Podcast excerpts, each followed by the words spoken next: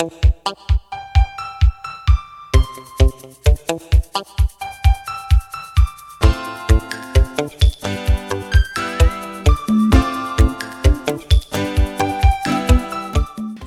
pagi. Gua ya saya. Gue Sulia. Aku Surya. Selamat datang di bimbel mata pelajaran kedua. Dalam mata pelajaran kali ini, kita akan ngomongin soal pertunangan Raisa Hamish dan perspektif masyarakat soal cinta dan pernikahan. Kali ini kita nggak cuma bertiga, kita kedatangan tamu istimewa yang akan meramaikan diskusi kita. Ada Grace Olivia Sihombing. So, without further ado, let's discuss.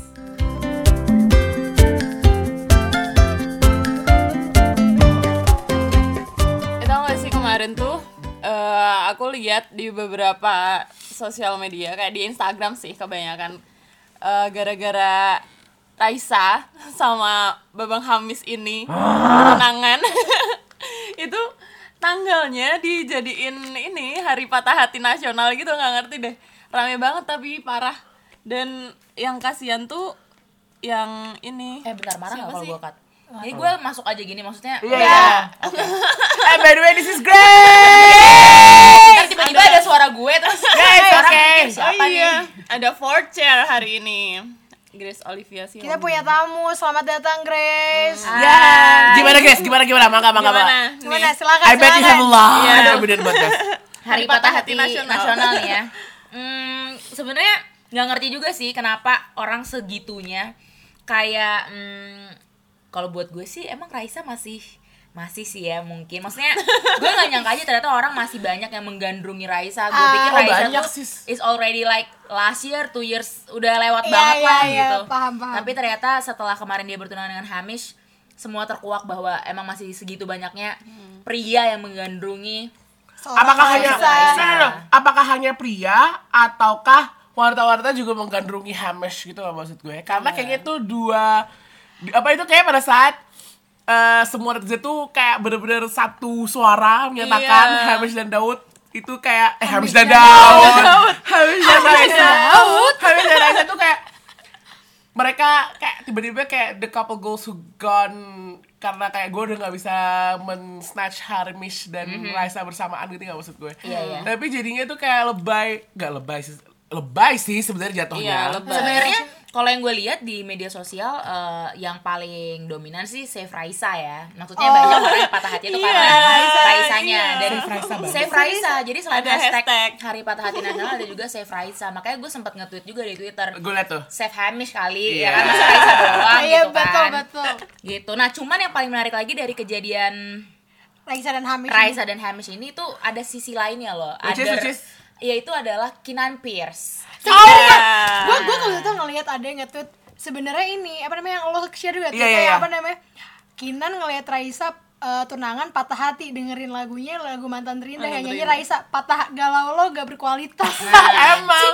Tapi menurut gue yang menarik adalah eh, kalau lo buka Instagramnya Kinan Pierce gitu ya, Iya, itu kan sampai di tuh- di bombing komen gitu ya, emang netizen tuh julid-julid banget ya. Iya. Bukannya habis itu gara-gara itu dia tidak membuka comment section di Nah, Instagram. iya, Iya, dia sempat ada nge-close ditutup. tuh Iya, iya, comment iya. sectionnya. Tapi kemarin terakhir dia ada postingan eh, di mana dia promo Gojek. Terus Iya, dia, na- iya, iya. dia nanya sama netizen kayak apa apa sih yang kalian apa pengalaman kalian naik Gojek. Tapi instead of commenting about Gojek, Komennya buat Komennya Raisa. Oh, Raisa. shit. kalian bisa baca sendiri komen-komennya semua tentang Raisa dan Hamish yang tunangan. Itu Jahat itu sisi lain yang seru sih dari Raisa Hamish ini. Seru dan lebih parahnya lagi adalah karena dia sangat karena apa ya relationship dia dan Raisa juga public high, ha- apa highly Sangat- publicized sangat gitu Benar. dan broke breaking up juga di depan mata publik jadi kayak Balikannya juga depan balikan mata. mata publik Iya. juga sekarang putus a- sekarang patah hati dan ngelihat mantan nikah juga highly publicized itu maksud gue Nah,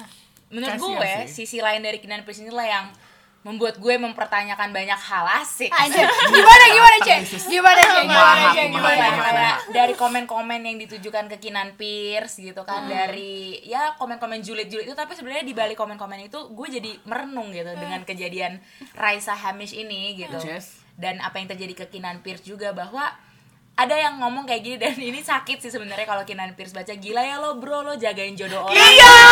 That's what I was talking about too jahat Batman coba tuh kalau jadi Itu right in Kinan, the core cuy. right in the core. Jadi kalau gue jadi Kinan tuh aduh gimana ya? Sulit juga nih ya untuk merespon komen-komen kayak gitu. Nggak salah soalnya. bener emang. Bener. dan relatable gitu. Relatable. Lo ditinggal lo ditinggal apa diputusin pacar terus pacar ting- ditinggal kawin kan? Wah. Nggak gue gak pernah sih merasakan sebenarnya tapi kayak kayaknya itu kayak langsung eh apa ya me- kena ke hati-hati para orang-orang di luar sana yang kebetulan punya Iya, kayak- channel di media sosial nah akhirnya ngomongin hal yang sama ngerti ya maksudnya Iya. Tapi sebenarnya menurut kalian love goals tuh apa sih? Ya, soalnya si Raisa sama Hamish ini Iya. kayak perbincangan juga Relationship goals. goals, the so called love goals. Mereka kayak dua wanita dua wanita pasangan Ganteng, cantik, gitu loh, cantik, ganteng iya. cantik terus tiba-tiba ketemu nyemi nyemi nyemi nyemi indah indah Nikah indah, indah lagi, nikah aja kan? gitu Iya. kan. Iya, iya. Kalau gue pribadi sih ya terlepas dari eh, apa ya, ya gue secara personal emang gak suka sama, gak terlalu suka sama Raisa. In personalnya tuh gue gak terlalu suka. Cuman terlepas dari itu gitu, kayak gue juga bertanya-tanya sih, what makes them love goal gitu. Iya. Since mereka baru berhubungan tuh Belum hitungan bulan gitu Ah, kan. belum is it maybe because they're beautiful people coming Nah. with, with apa uh, coupling with another beautiful people then it becomes a couple goals Nah, itu just because sih. they Kayaknya look deh. match in person gitu maksud gue Iya. tapi gue pun juga nggak ngerti gitu loh karena kayak setuju gue pertama mereka tidak baru eh kok tidak sih mereka nggak lama kan baru ya Hitungan gue nggak ngerti sih apakah mereka jadiannya hitungan bulan tuh karena setelah kita tahu atau Oh, sebelumnya Iya, bisa jadi. dia bisa pernah jadi. eh, pacaran dulu karena kan kalau dipikir-pikir Kinan Pierce juga waktu sama eh Kinan Pierce sama Raisa juga pada saat balikan juga kita kan nggak tahu tiba-tiba dia udah ada fotonya Iya. lagi kan. Jadi kapan mereka apakah mereka sebenarnya break atau cuma break doang atau break up beneran kita kan nggak tahu. Tapi gue jadi berpikir gitu loh apakah se-shallow itu ya relationship goals kita which is kayak gak kita sih relationship goals secara Secara Secara society konsensus which is uh, as konsensus. as much as apa ya as long as they look like a Good. couple that becomes a goals gitu maksud gue Tapi kata-kata relationship goals dan couple goals dan love goals itu tuh sesuatu yang overused gitu loh di media sosial. Ah. Iya. Dan itu tuh bikin every goal sih sebenarnya itu overused. Iya, dan dan menurut gue itu tuh bikin kita jadi nggak nggak apa ya?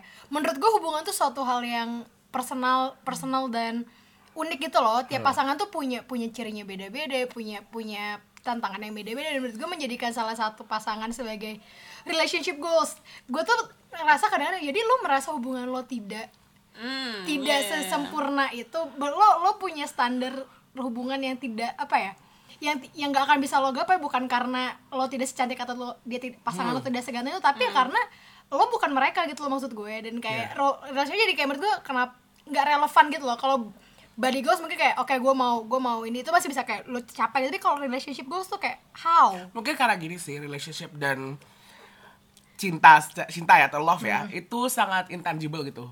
Every, and everything that looks tangible kita grasp langsung which Yeah. is kayak ya itu tadi apa beautiful people with beautiful people or people with the same interest padahal kan Yeah. mungkin like there's a thing with opposites attract misalnya. Ya Iya.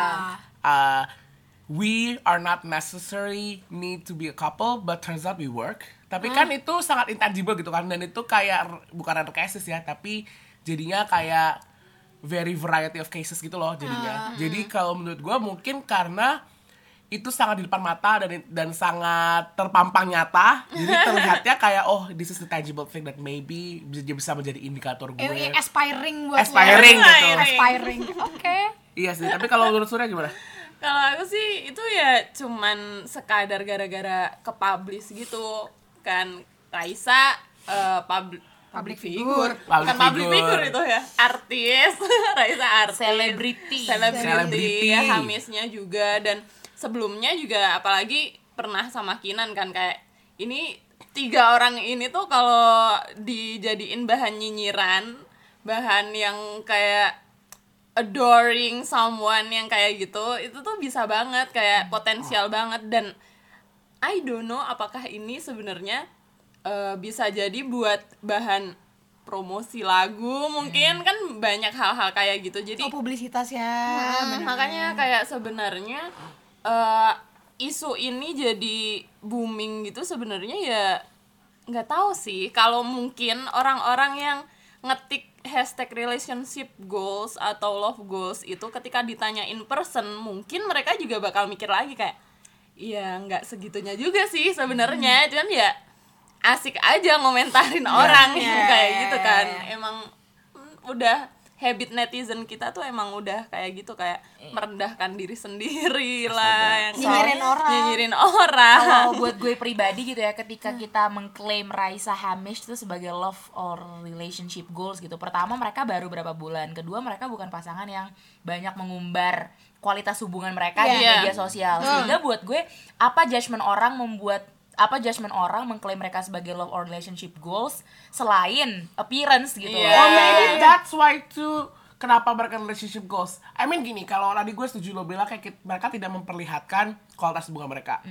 tapi tiba-tiba Iya, menang. mungkin Oke. maybe because there's that mystery that makes it the goals, which is like Oke. other people doesn't have to know what we've been through. It's as long as we know it's it's a good thing for us, makanya mereka berapa bulan menikah. Iya. Karena kalau dipikir gini, selebriti mengumbar eh, Hubungan, pernikahan mereka tuh iya. banyak gitu. Ya lo lihat aja kayak misalnya Rachel V, Rahel V. Rahel V-nya sama ya, Ya. saya lupa Okin. dengan publisitas Stan yang mau Iya. selingkuh Hokinnya. Oke, satu. Kedua, ada Sandra Dewi sama suaminya yang baru. Iya, yang suaminya baru suaminya kemarin. Habis itu Iya. yang ketiga, ada banyak gitu maksud gua. Raffi dan Gigi. Iya. Kayak Andin dan Andin di dari IP.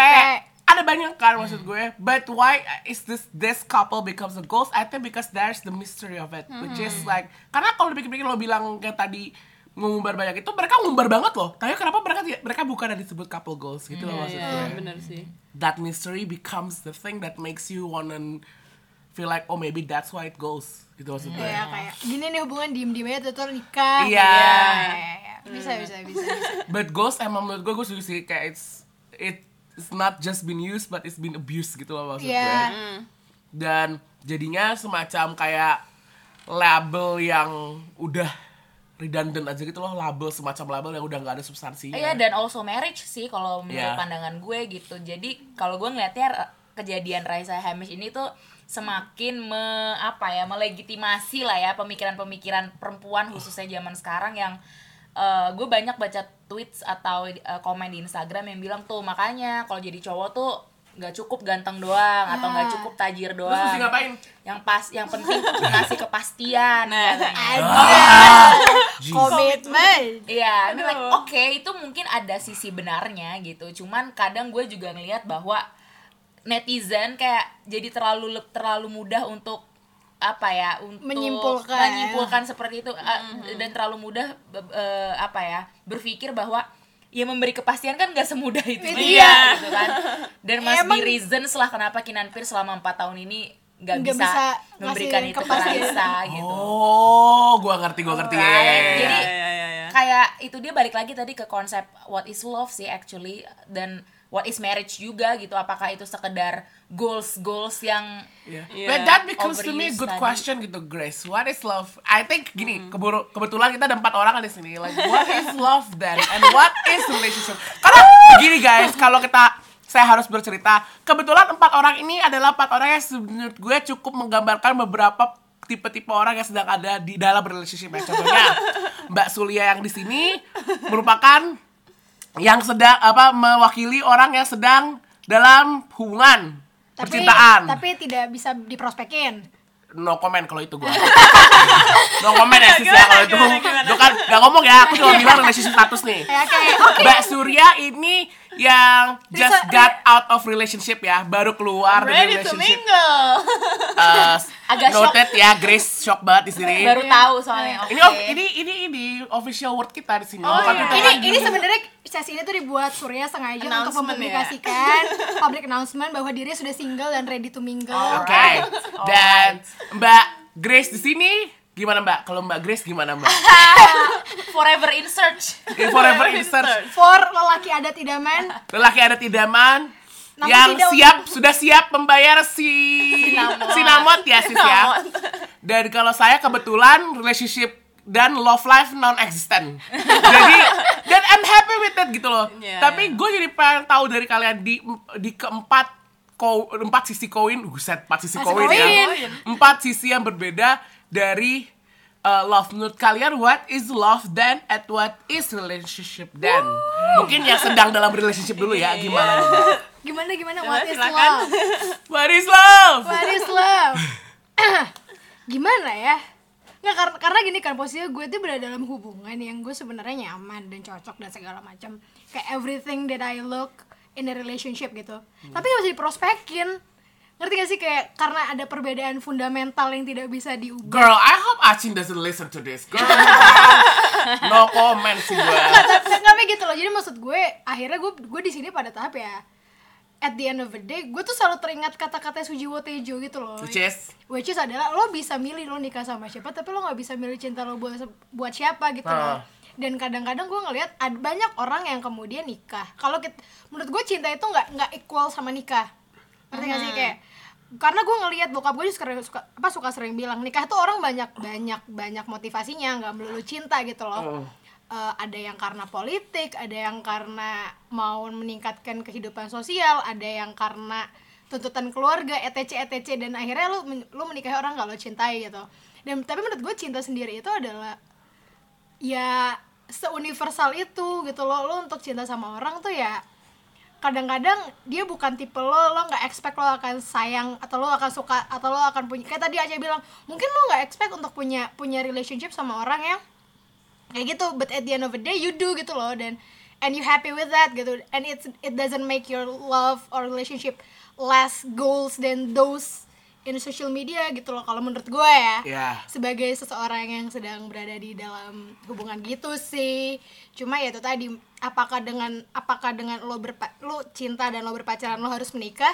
Seperti misalnya Raisa sama Kinan. Mungkin Kinan sesayang itu sama Raisa tapi dia nggak bisa mereka pacaran kita nggak pernah tahu Yeah. Iya kan dan kalau dipikir mereka udah lama gitu dan mereka udah lama kayak gitu Iya. mereka udah pacaran break kita putus break terus nyambung lagi terus habis itu putus for good dan kita nggak tahu apakah Raisa sama Hamish punya punya ra- mungkin Raisa pun masih kepikiran kita kita nggak pernah tahu gitu loh Iya. tapi at the end of the day yang kemudian berakhir kepastian Hamish apakah itu menjamin Raisa menyayangi Hamish seperti dia menyayangi Kinan atau Ya. Kinan Ya menyayangi ya Allah. Jian seperti dia menyayangi Raisa ya ya ya ya Iya ya, ngerti ya, kan ya. kayak kayak ya menurut gue cinta itu tidak setara dengan menikah gitu loh. Jadi ya itu dia ada bahaya mantan. bahaya mantan Bahaya mantan Bahaya laten tuh bahaya- bahaya mantan ini Bahaya sepertinya tuh- bakal jadi podcast paling triggering ya sebenarnya Iya benar bahaya benar. mantan Ini clickbait banget. ini clickbait sih sis Enggak, jadi sebenarnya bahaya laten itu bukan PKI, perlu di garis bawahi. Bahaya laten itu adalah bahaya mantan.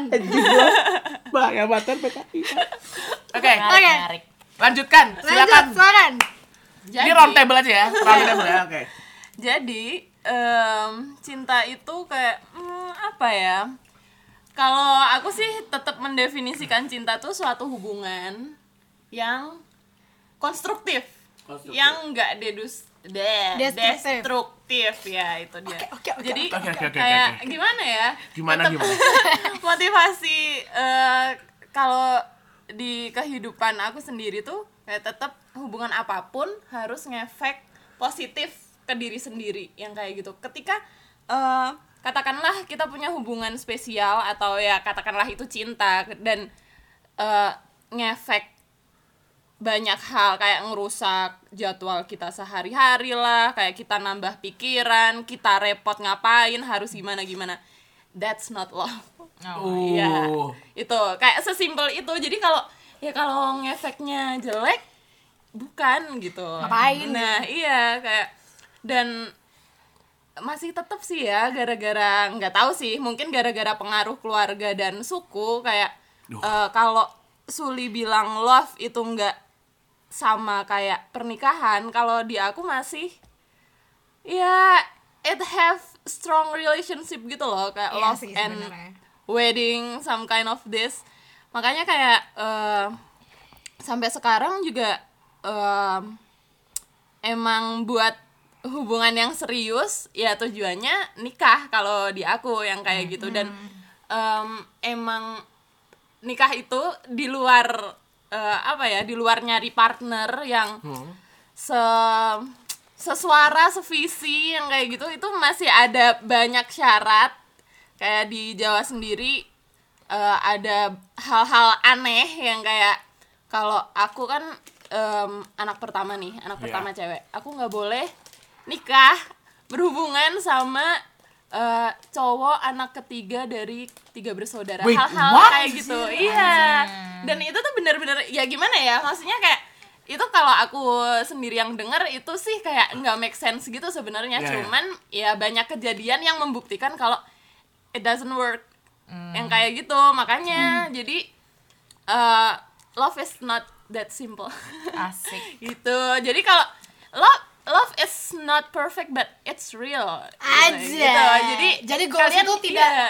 goals itu hanya bualan guys. Mm, jadi yakin kok pasti ada. Love itu pasti ada pasti datang suatu saat nanti. Dan itu harus membangun yang kayak gitu balik lagi harus membangun. Bukan yang eh, kayak kita harus bekerja keras satu sama lain buat mempertahankan. Ya emang harus ada effort buat mempertahankan Iya. sih. Tapi kalau kita merasa kalau kita berusaha itu bukan love kalau menurut aku. Uh, girl, yes. Nah, oke itu. Oke, oke lesson learned. Lesson learned. coba coba coba. Kalau buat gue sih jujur semakin dewasa, semakin ke sini eh, apa ya pengertian gue terhadap konsep cinta tuh emang udah berubah sih, semakin berubah. Dan sejauh ini belakangan ini gue belum bisa move on dari dua konsep cinta yang sampai hari ini. Gue masih pegang, masih jadi sesuatu yang gue percaya lah. Pertama itu dari lirik lagunya Tulus, Uh, cinta itu banyak bentuknya. Itu gue makin ke sini gue percaya bahwa cinta itu emang banyak bentuknya. Dan itu sebabnya kenapa ini juga gue ini juga konsep cinta yang gue dapat dari sebuah tulisan Alan de Botton. Nih gue lagi buka juga di HP bahwa love and compatibility itu are not the same thing gitu. Jadi kalau buat gue sendiri kenapa tadi gue bilang dan gue percaya bahwa cinta itu banyak bentuknya? Karena makin ke sini makin dewasa gue percaya bahwa gue tuh I'm capable of loving more than one person. Dan gue nggak tahu kenapa gue ngerasa bahwa emang cinta tuh nggak hanya untuk satu orang gitu. Iya. Kayak eh, cinta itu bisa buat banyak orang beberapa orang lah ya nggak banyak juga. Tapi memang dalam bentuk yang berbeda-beda gitu. Eh, nah ketika ngomongin soal cinta yang arahnya ke pernikahan gitu ya karena since we are Eastern dan masih ke sana gitu ya kok ininya konsep konsep mencinta itu masih ke arah pernikahan gitu. Kalau ngomongin cinta yang serius yang untuk pernikahan nah itu gue balik ke konsep yang uh, love and compatibility itu hal yang berbeda gitu. Jadi you can love one person or some some people lah gitu. Lo bisa cinta sama satu orang atau beberapa orang segitunya. Lo bisa punya attraction yang sangat kuat terhadap seseorang feeling yang sangat kuat sama seseorang. Ya cinta lah gitu. Tapi ketika berbicara soal compatibility itu bisa jadi hal yang berbeda gitu. Oh. dan ya dan kayak gue udah mengalami gue ada pengalaman pribadi juga soal ini gitu bahwa Unreal. Iya, I can feel very strong gitu ke seseorang gitu. Oke lah kita sebut itu cinta, entah itu cinta yang bentuknya yang gimana ya. Karena gue pun walaupun gue bilang cinta banyak bentuknya, gue nggak bisa bikin terms buat cinta yang satu ini, cinta yang satu lagi gitu. Sebutlah gue punya perasaan cinta itu ke orang ini, tapi ketika udah bahas soal compatibility, ketika Grace, do you wanna marry him? gitu, ketika ada kesempatan itu, no. Karena why gitu ketika tanya why karena ya itu tadi gue nggak merasa gue compatible dengan dia kayak dan gue suka tulisan Alan de Botton ini karena dia bilang eh apa untuk untuk untuk kompatibilitas itu memang perlu attraction.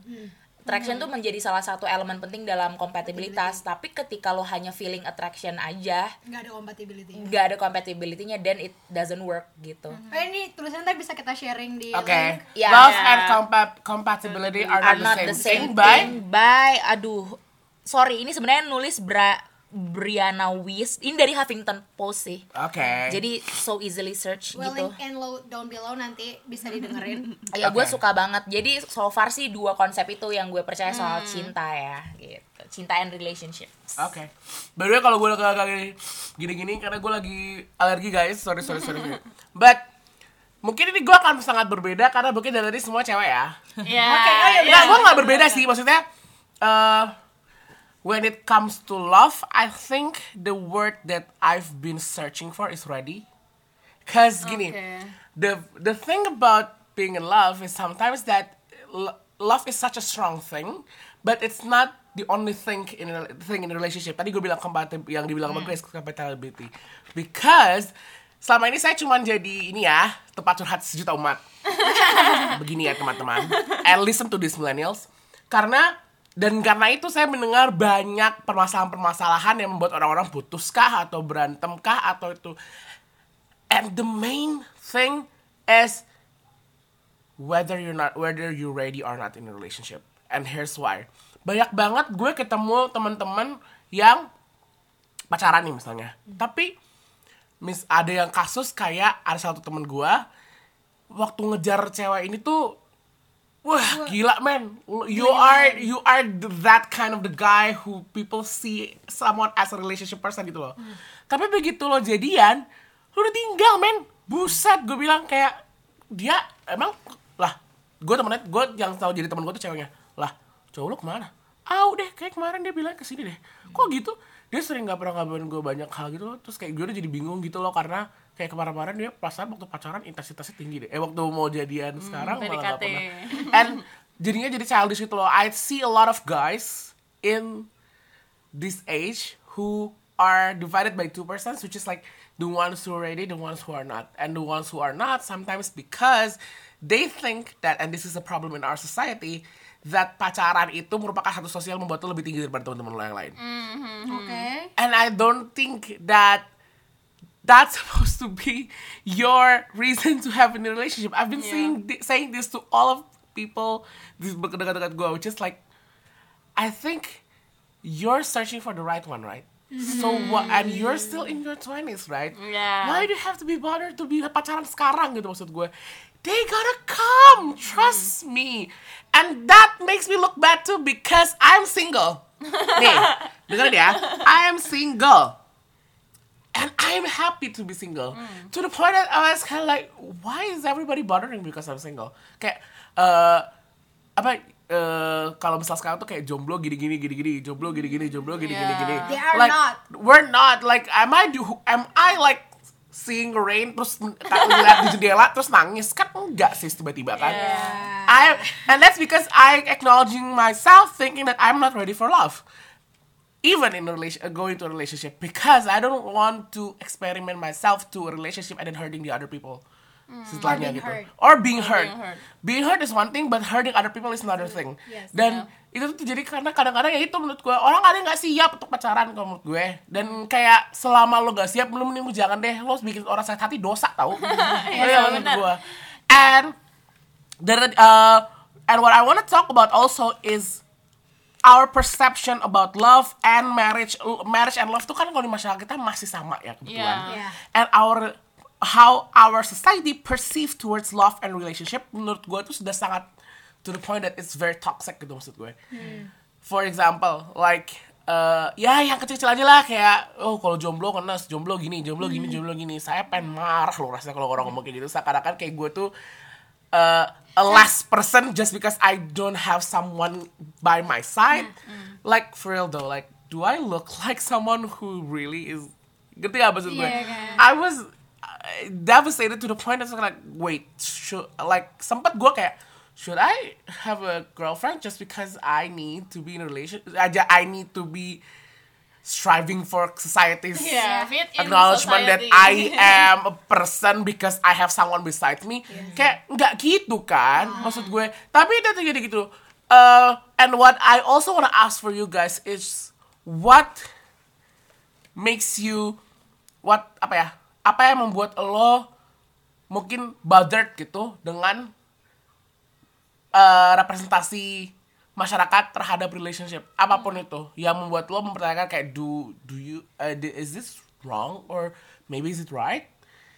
Gitu loh maksud gue. Karena kayak uh, our society has a lot to say about relationship even gue orang Batak kan.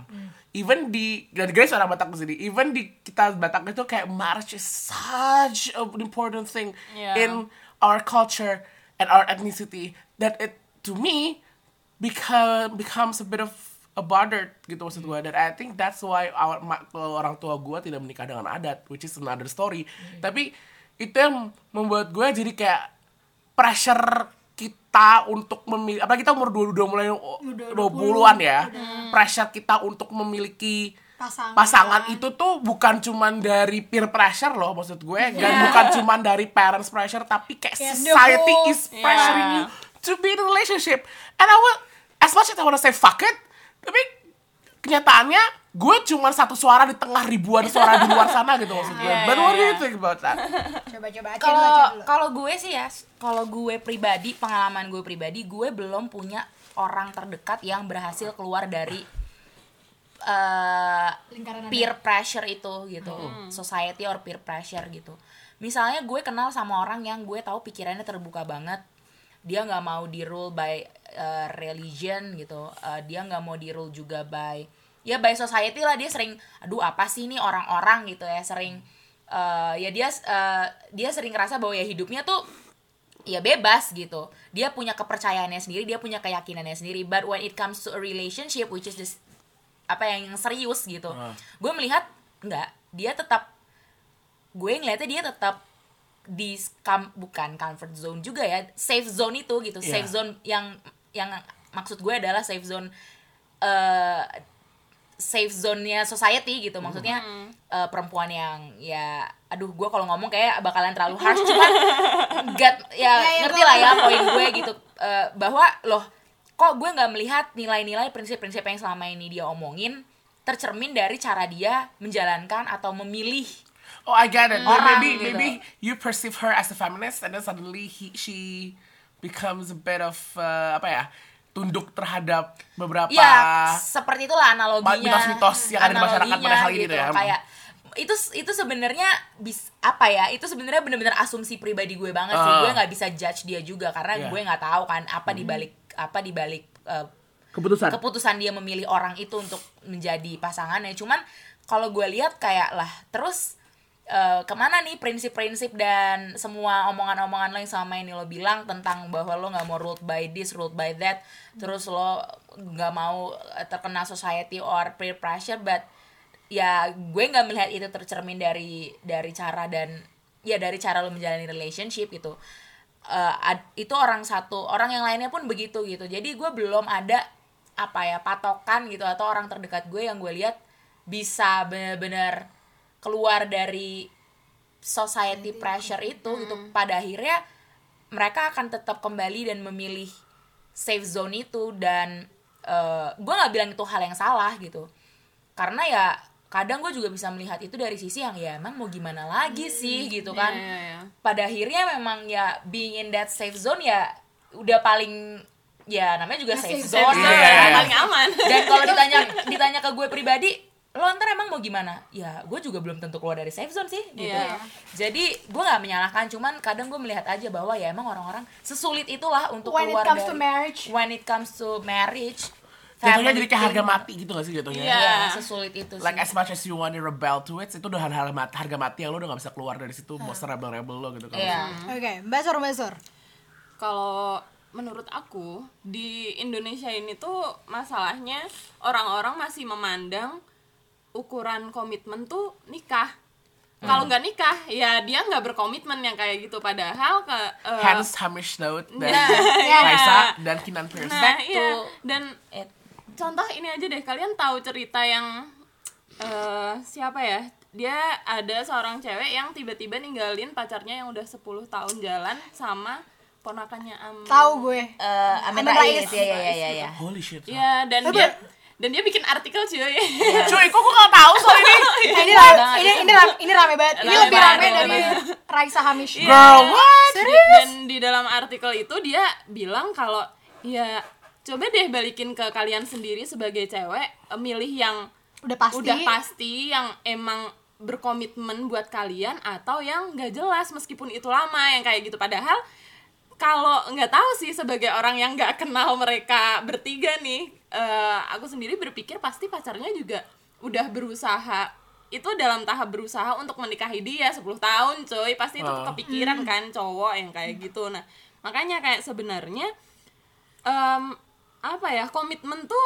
nggak melulu tentang pernikahan gitu loh. Ketika berbicara tentang suatu hubungan ketika kalian em, menyepa- menyepakati banyak hal dan itu kalian tepatin ya itu udah Komitmen. komitmen itu sebenarnya cuman di Indonesia sendiri masih itu tadi kayak kalau nggak nikah ya kalian apa yang kayak gitu sebenarnya tekanan-tekanan seperti itu I still think that marriage is a piece of paper though. As much as it is a Yeah. commitment, it is a piece of paper. Cuman eh, ya balik lagi itu harga mati Iya. society gak sih? Like you have to be in a relationship dengan married gitu maksud gue. Tapi kalau kalau gue pribadi nih pengalaman gue, gue gue tuh sa- gue makin dulu gue optimis bahwa gue akan menikah dan gue akan punya keluarga gitu. Tapi gue makin gue makin ke sini, gue makin pesimis akan hal itu. Kenapa? Karena kemudian tadi kayak kayak selayaknya Sure punya tuntutan-tuntutan tidak resmi dari keluarga, gue pun Iya. punya tuntutan tidak resmi dari keluarga. Bagaimana nyokap gue pengennya gue sama Cina apa pun yang terjadi? Agamanya apa? Terserah pokoknya Cina. Bokap gue pinginnya bokap gue well dia lebih coba bokap gue kalau gue nikahnya nggak diwihara dia nggak datang kan gimana ya? Lalu gue harus mencari yang Cina dan Buddha. If any of you guys out there Entitas single, ini. entitas ini. Dan kemarin tuh sampai teman gue bilang kayak eh, itu mitos loh yang Cina Buddha terus kelakuannya kayak lo mitos gitu. Terus gue kayak iya sih. Dan dan gue pernah berada di di hubungan dengan orang yang punya identitas itu dan it doesn't work out gitu loh. Kayak ya at the end of the day gue nggak gue nggak tadi gue nggak compatible sama dia.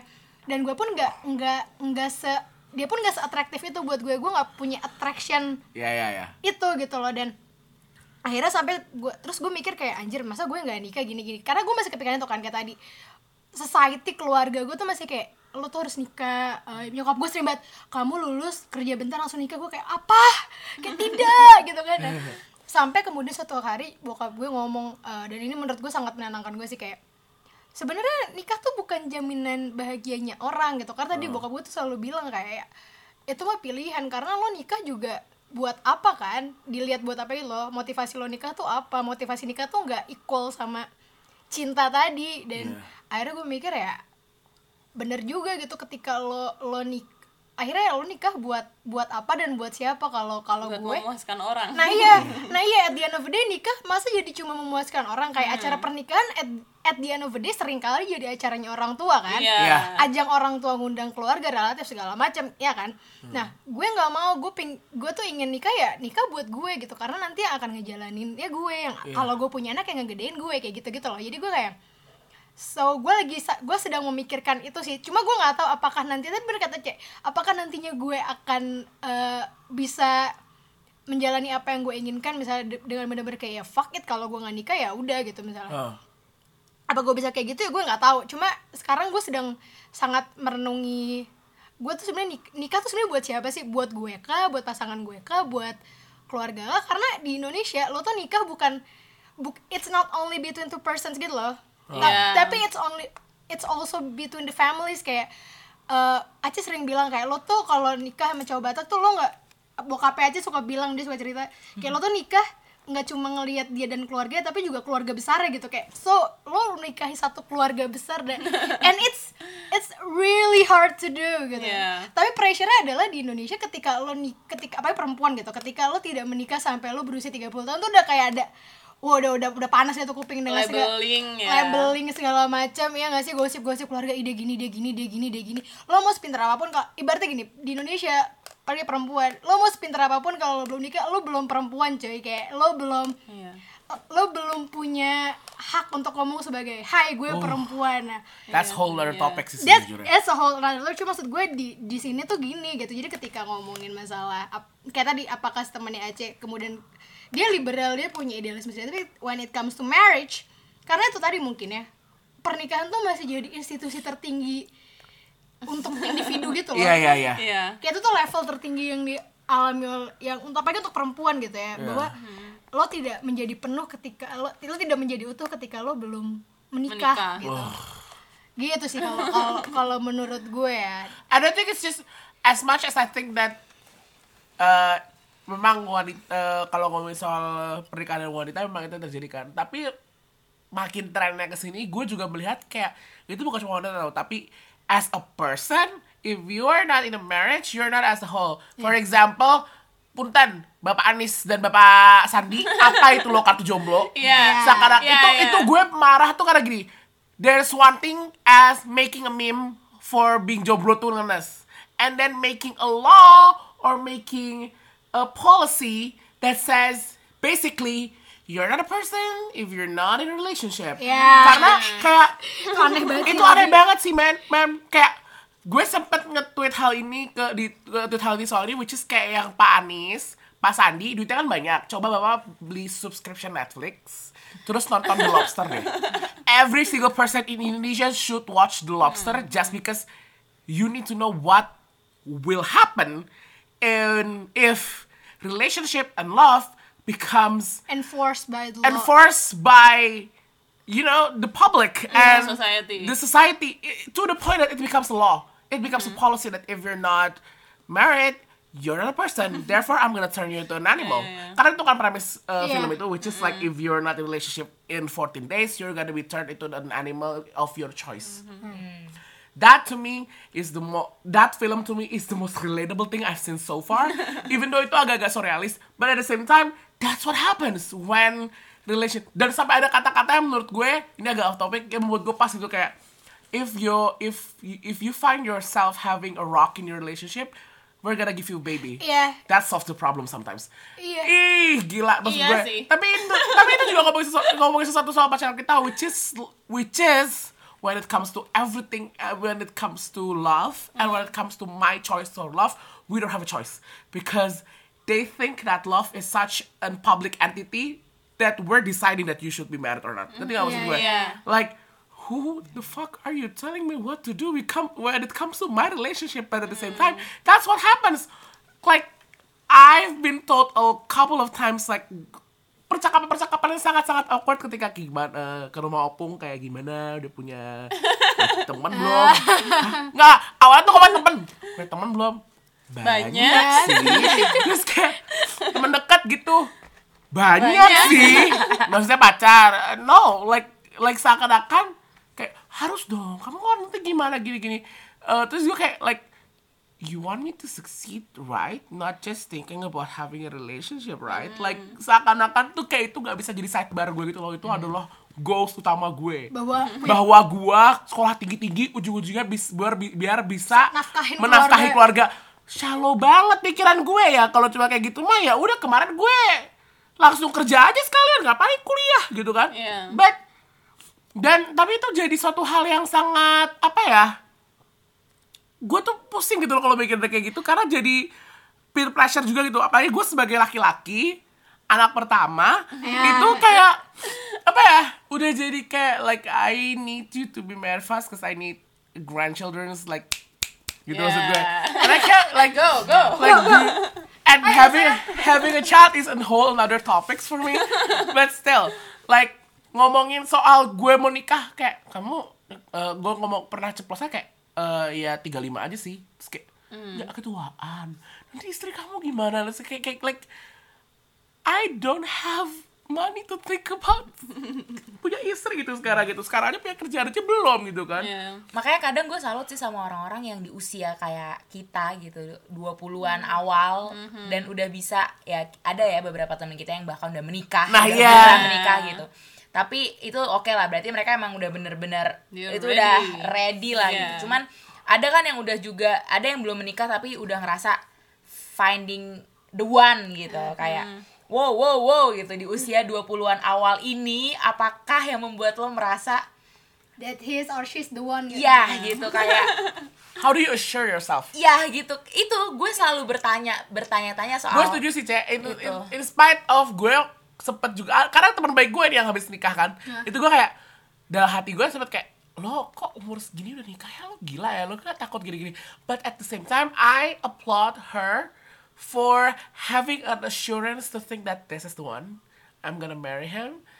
She's my one and only for the rest of my life and I wanna have a family with him one day and I wanna build my life surrounding with him. Hmm. Itu menurut gua suatu achievementnya tinggi gitu maksud gue. Hmm. Tapi Yeah.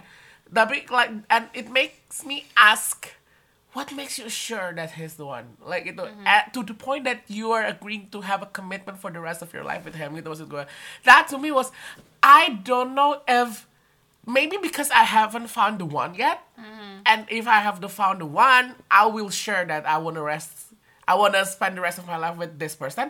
But how do you assure yourself with that? Because the rest of your life is a long way to go, Yeah. girl. Dan dan kalau gue poinnya adalah pada eh, kita masih umur segini gitu Iya. kita belum banyak Itu melalui lagi. hal-hal yang yang kalau menurut gue ya gue masih perlu melihat beberapa fase dari seseorang dulu sampai gue yakin bahwa orang ini bisa gue ajak buat hidup bareng gitu Iya, iya. dan what do you expect gitu ketika nggak no ini bukan buat bukan buat menjelek-jelekan atau bukan bukan buat eh, apa ya mendiskreditkan orang-orang yang sudah memilih untuk Iya. untuk Settle settle, down. This is us really asking the questions gak sih? ah, ini karena gue yang sulit memahami aja gitu Iya. dan gue Mungkin ingin kalian bisa membantu kita memahami ini semua. Betul.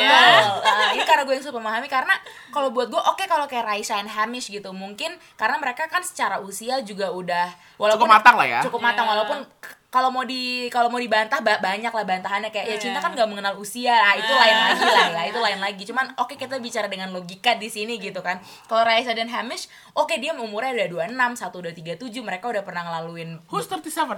eh, Hamish mereka kan beda 10 or 11 years right. Ah. Eh, Tuh, oh. kamu bisa loh pakai itu kayak 37 deh nggak apa-apa kayak Hamis Iya. buat ngejawab Oh, ada indikator ya? Alhamdulillah. Jadi satu bagus-bagus. Hamish membuat standar baru. Nah, Thank itu kalau kayak Raisa Hamish gitu kan, eh, mereka kan udah umurnya matang lah dan udah melalui beberapa fase kehidupan yang oke lah ketika lu pengen pengen memutuskan settle sama orang lu udah bisa ukur dia dari oke dia udah melalui ini, melalui itu gitu. Lu pun begitu. Nah, ketika masih di usia 20-an yang sangat belia ini gitu kan. 20-an awal gitu. Apa fase apa yang bisa membuat lulus SMA, bisa ngerjain UAN, bisa jadi sarjana kayak atau apa gitu ya. Gue tahu sih nggak secetek itu, cuman Hmm. kalau buat gue pribadi gitu ketika gue sekarang harus harus harus membuat diri gue yakin sama seseorang untuk settle dan gue merasa nggak belum cukup gitu, belum bisa gitu. Atau gini ketika lo baru 20-an, emang lo udah pacaran sama beberapa orang sih buat Iya. dibandingin Nah, gitu ya. itu kan kayak gitu sih. Itu emang pemikiran yang terlalu logi logi. Logi. Tapi gue juga percaya bahwa ya jauh banget nih. Gue percaya gue cinta juga harus pakai logika gitu menurut gue. Iya. Di dalam At hal point ya. As a point gitu. Ya kayak compatibility kan logika sebenarnya. Like will I apa ya? Will I agree with this person for the rest of my life or I have another- kayak banyak gitu loh yang harus dipikirkan Yeah. mengenai compatibility which is itu logic gitu compatibility. But at the same time love berarti artinya at the same time love needs logic too. When it comes to like love is blind when it, Love apa kita harus bermata misalnya kayak gitu loh. Kayaknya podcast kita ini bakalan dicap sebagai ini deh kayak aduh lu s- apa love skeptis banget. Iya, ya iya. sebenarnya gue gak love skeptis tapi gini ya. Like maybe because I need to ask the right questions before I'm yeah. going to something. And then love is another love itu juga bagian yang lo harus benar-benar siap untuk masuk ke dalamnya gitu. Dan mung- dan mungkin gue juga mikir gini loh orang tuh terlalu gampangin mereka tuh menyederhanakan cinta dan hubungan dan pernikahan gitu loh. Karena hal-hal ya kayak tadi gitu kayak seolah-olah gampang gitu tuh. Cewek tuh yang penting butuh kepastian. Kalau gue sih nggak cuma kepastian gitu kayak kalau dikasih kepastian gue sama dia kagak cocok bagaimana gitu ceritanya ntar. Ya, ya gitu loh maksud gue. Kadang-kadang orang tuh terlalu menyederhanakan hal ini jadi kita di sini ya we just wanna talk that love is not that simple that it's complicated with all its beauty. Yeah. gue gue percaya akan cinta gue hanya gue hanya belum menemukan itu untuk gue gitu kalau gue ya. Tapi apakah tadi kan Grace bilang kita kayak kelihatannya love skeptis. kayak gitu. Cuman eh balik lagi aku ada pengalaman. Nggak tahu sih ini apakah bener atau enggak cuman orang tua aku tuh pernah cerita. Jadi sebenarnya love is so simple. Makanya nggak usah pusing nggak usah dipikirin yang kayak gitu. Dan kayak nggak tahu sih mereka hmm, terbukti sih. Nggak tahu ding. Jadi me- ibu aku itu nikah umur 2 21 jalan ke 22 dan itu padahal eh, ayah aku posisinya pas masih awal-awal dia kerja. Yang eh, kalau dihitung-hitung nih eh, keuangan belum settle apa pun belum settle cuman mereka berani gara-gara ya ya udah eh, mau ngapain lagi emang? Ya udah nikah aja yang kayak gitu. Oh. toh kita eh, udah percaya satu sama lain yang kayak gitu. Apakah eh, kita nih tidak belum belum menemukan cinta kita gara-gara kita terlalu banyak mempertanyakan sesuatu atau gimana Oke. bisa gue kalau ngomongin soal mencari cinta ada satu artikel yang gue suka eh artikel ini tuh dari kok hilang ya artikel ini tuh ngomongin soal how many times do you need to fall in love in life which is eh dia menghipotesiskannya adalah you need to fall in love four times. Four. Four. There's four times that you need to apa kayak four four type of loves that you need to realize before you find the one gitu. Which is the first love is uh this love is the the one who apa you fall in love the first time is the one that you're gonna remember the most. The first love is the one who showed us that what it's like to be loved. The first love ma- made love magical, but it is never supposed to last. Okay. They're, they're there. The, the, the, ex, the purpose of the existence of our first love is to show us how. Ngerti nggak? And then the second one is the we need to apa ya? The second one is the unrequited love, which is the one who comes in your life and you love them, but that will never happen. Like our minds think of the possibilities, none of which will ever happen, and that comes because we uh, we finalize finally realize our feelings are uh, reciprocated, our heart breaks, and we can heal and move on toward finding a better love. Dan itu kita cuman melihat bahwa gak semua untuk belajar bahwa gak semua cinta kita pada seseorang tuh akan kembali ke kita gitu maksud gue. The third one is the hard love, which seems impossible to get over. Love is made up of moments that define us, and it's with the hard love that we question who we are and all we've ever known. This hard love is the one who always comes back to, even when we know we shouldn't.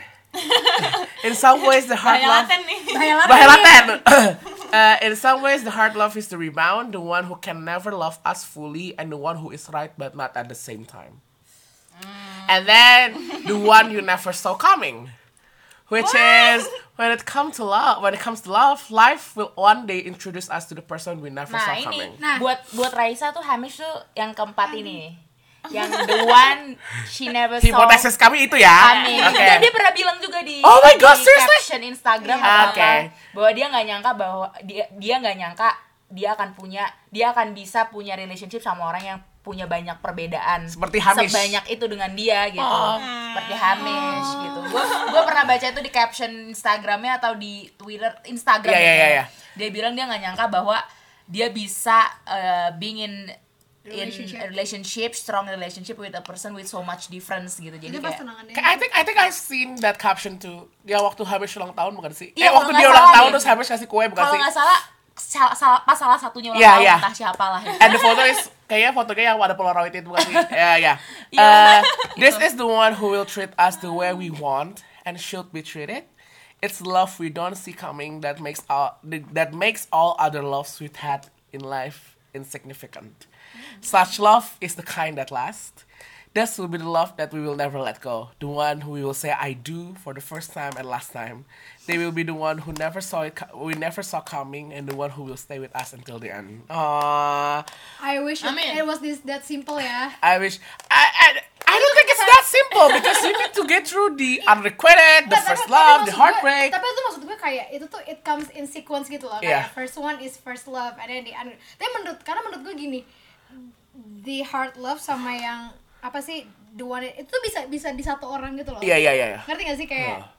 I don't think it comes in sequence kayak gitu gitu di mana I think akhirnya adalah I think this one- doesn't have to be uh, kita gak yang tadi artikel itu kita kayak gak harus mengikuti semua itu tapi maksudnya that's Kayak, the kind of person that we will uh, meet gitu and it sums up the idea that we will fall in love with this kind of person Maybe. I don't know how much we will, uh, gue gak tahu kita harus dating berapa orang untuk mengetahui hal ini hal ini atau mengetahui si the one or the one who never saw that we never saw coming. But yeah, we will maybe we have to go I think we have to go through some kind of other loves before some of other people who we who that will eventually makes us come to the one who never we never saw coming or the ones who gotta last forever. ya mungkin itu bisa menyimpulkan ini semua yeah, so bahwa ya tenang aja kita kita akan ketemu sama sama seseorang nantinya yeah. Mungkin I think we ya. just have to keep ourselves open. Iya. Tuh, Cek. We should ready first. We should be ready first. Yeah. That's my that's my motto. Be ready first, then Bener it comes sih, to you. gue juga percaya sih kalau pada akhirnya semuanya balik ke diri kita gitu. Kadang kita sering bertanya-tanya kan kenapa kita ya nggak bisa dipungkiri ya. Maksudnya walaupun kita orang-orang yang katakanlah skeptis soal cinta banyak mempertanyakan cinta, tetek bengeknya cinta, tapi pak adalah adalah masa-masa di mana kita mikir kenapa ya gue masih di fase ini maksudnya fase di mana belum menemukan cinta itu gitu lah ya sebutlah seperti itu eh dan dan dan ketika mempertanyakan itu pada akhirnya gue kalau buat gue pribadi ya gue tanya gue pada akhirnya akan bertanya kembali ke diri gue emangnya lu udah sesiap Siap, apa sih ya. untuk mendapatkan cinta yang lu harap-harapkan itu atau yang yang yang lo anggap cinta ya the one or the true love or whatever Yeah. it calls gitu So, Yeah. how ready And you know, are maybe sometimes the skeptics ones are the ones who actually have been through a lot, then become skeptics. That's, No comment. No comment. I'm not saying that we are. Itu ada tau jadi definisi cinta yang bisa menggambarkan simpulan kita hari ini Apa tuh? apa tuh Oh my god, I know this one. love is a lollipop with a scorpion inside dan ini quote ini quote kalimat ini tuh datang dari anak umur 3 tahun men really Ya, Yeah. ya, love is a scorpion, eh, is a lollipop with the With scorpion scorpion inside. inside. Jadi kalau kamu nggak siap, ya kamu bak- ketika it's a ticking bomb gitu loh. Yeah, Jadi yeah. ketika udah ketemu sama scorpionnya bakal kamu buang. Tapi kalau kamu udah siap, ya kamu bakal take a risk apa pun itu yang ada di dalamnya. Okay, so love gitu. is a lot. nice bang Yeah, gak? Love is a lot of things. nice But nice parah oke It's in order to be to apa ya to full experience it, you have to be ready. Iya. Yes. nice nice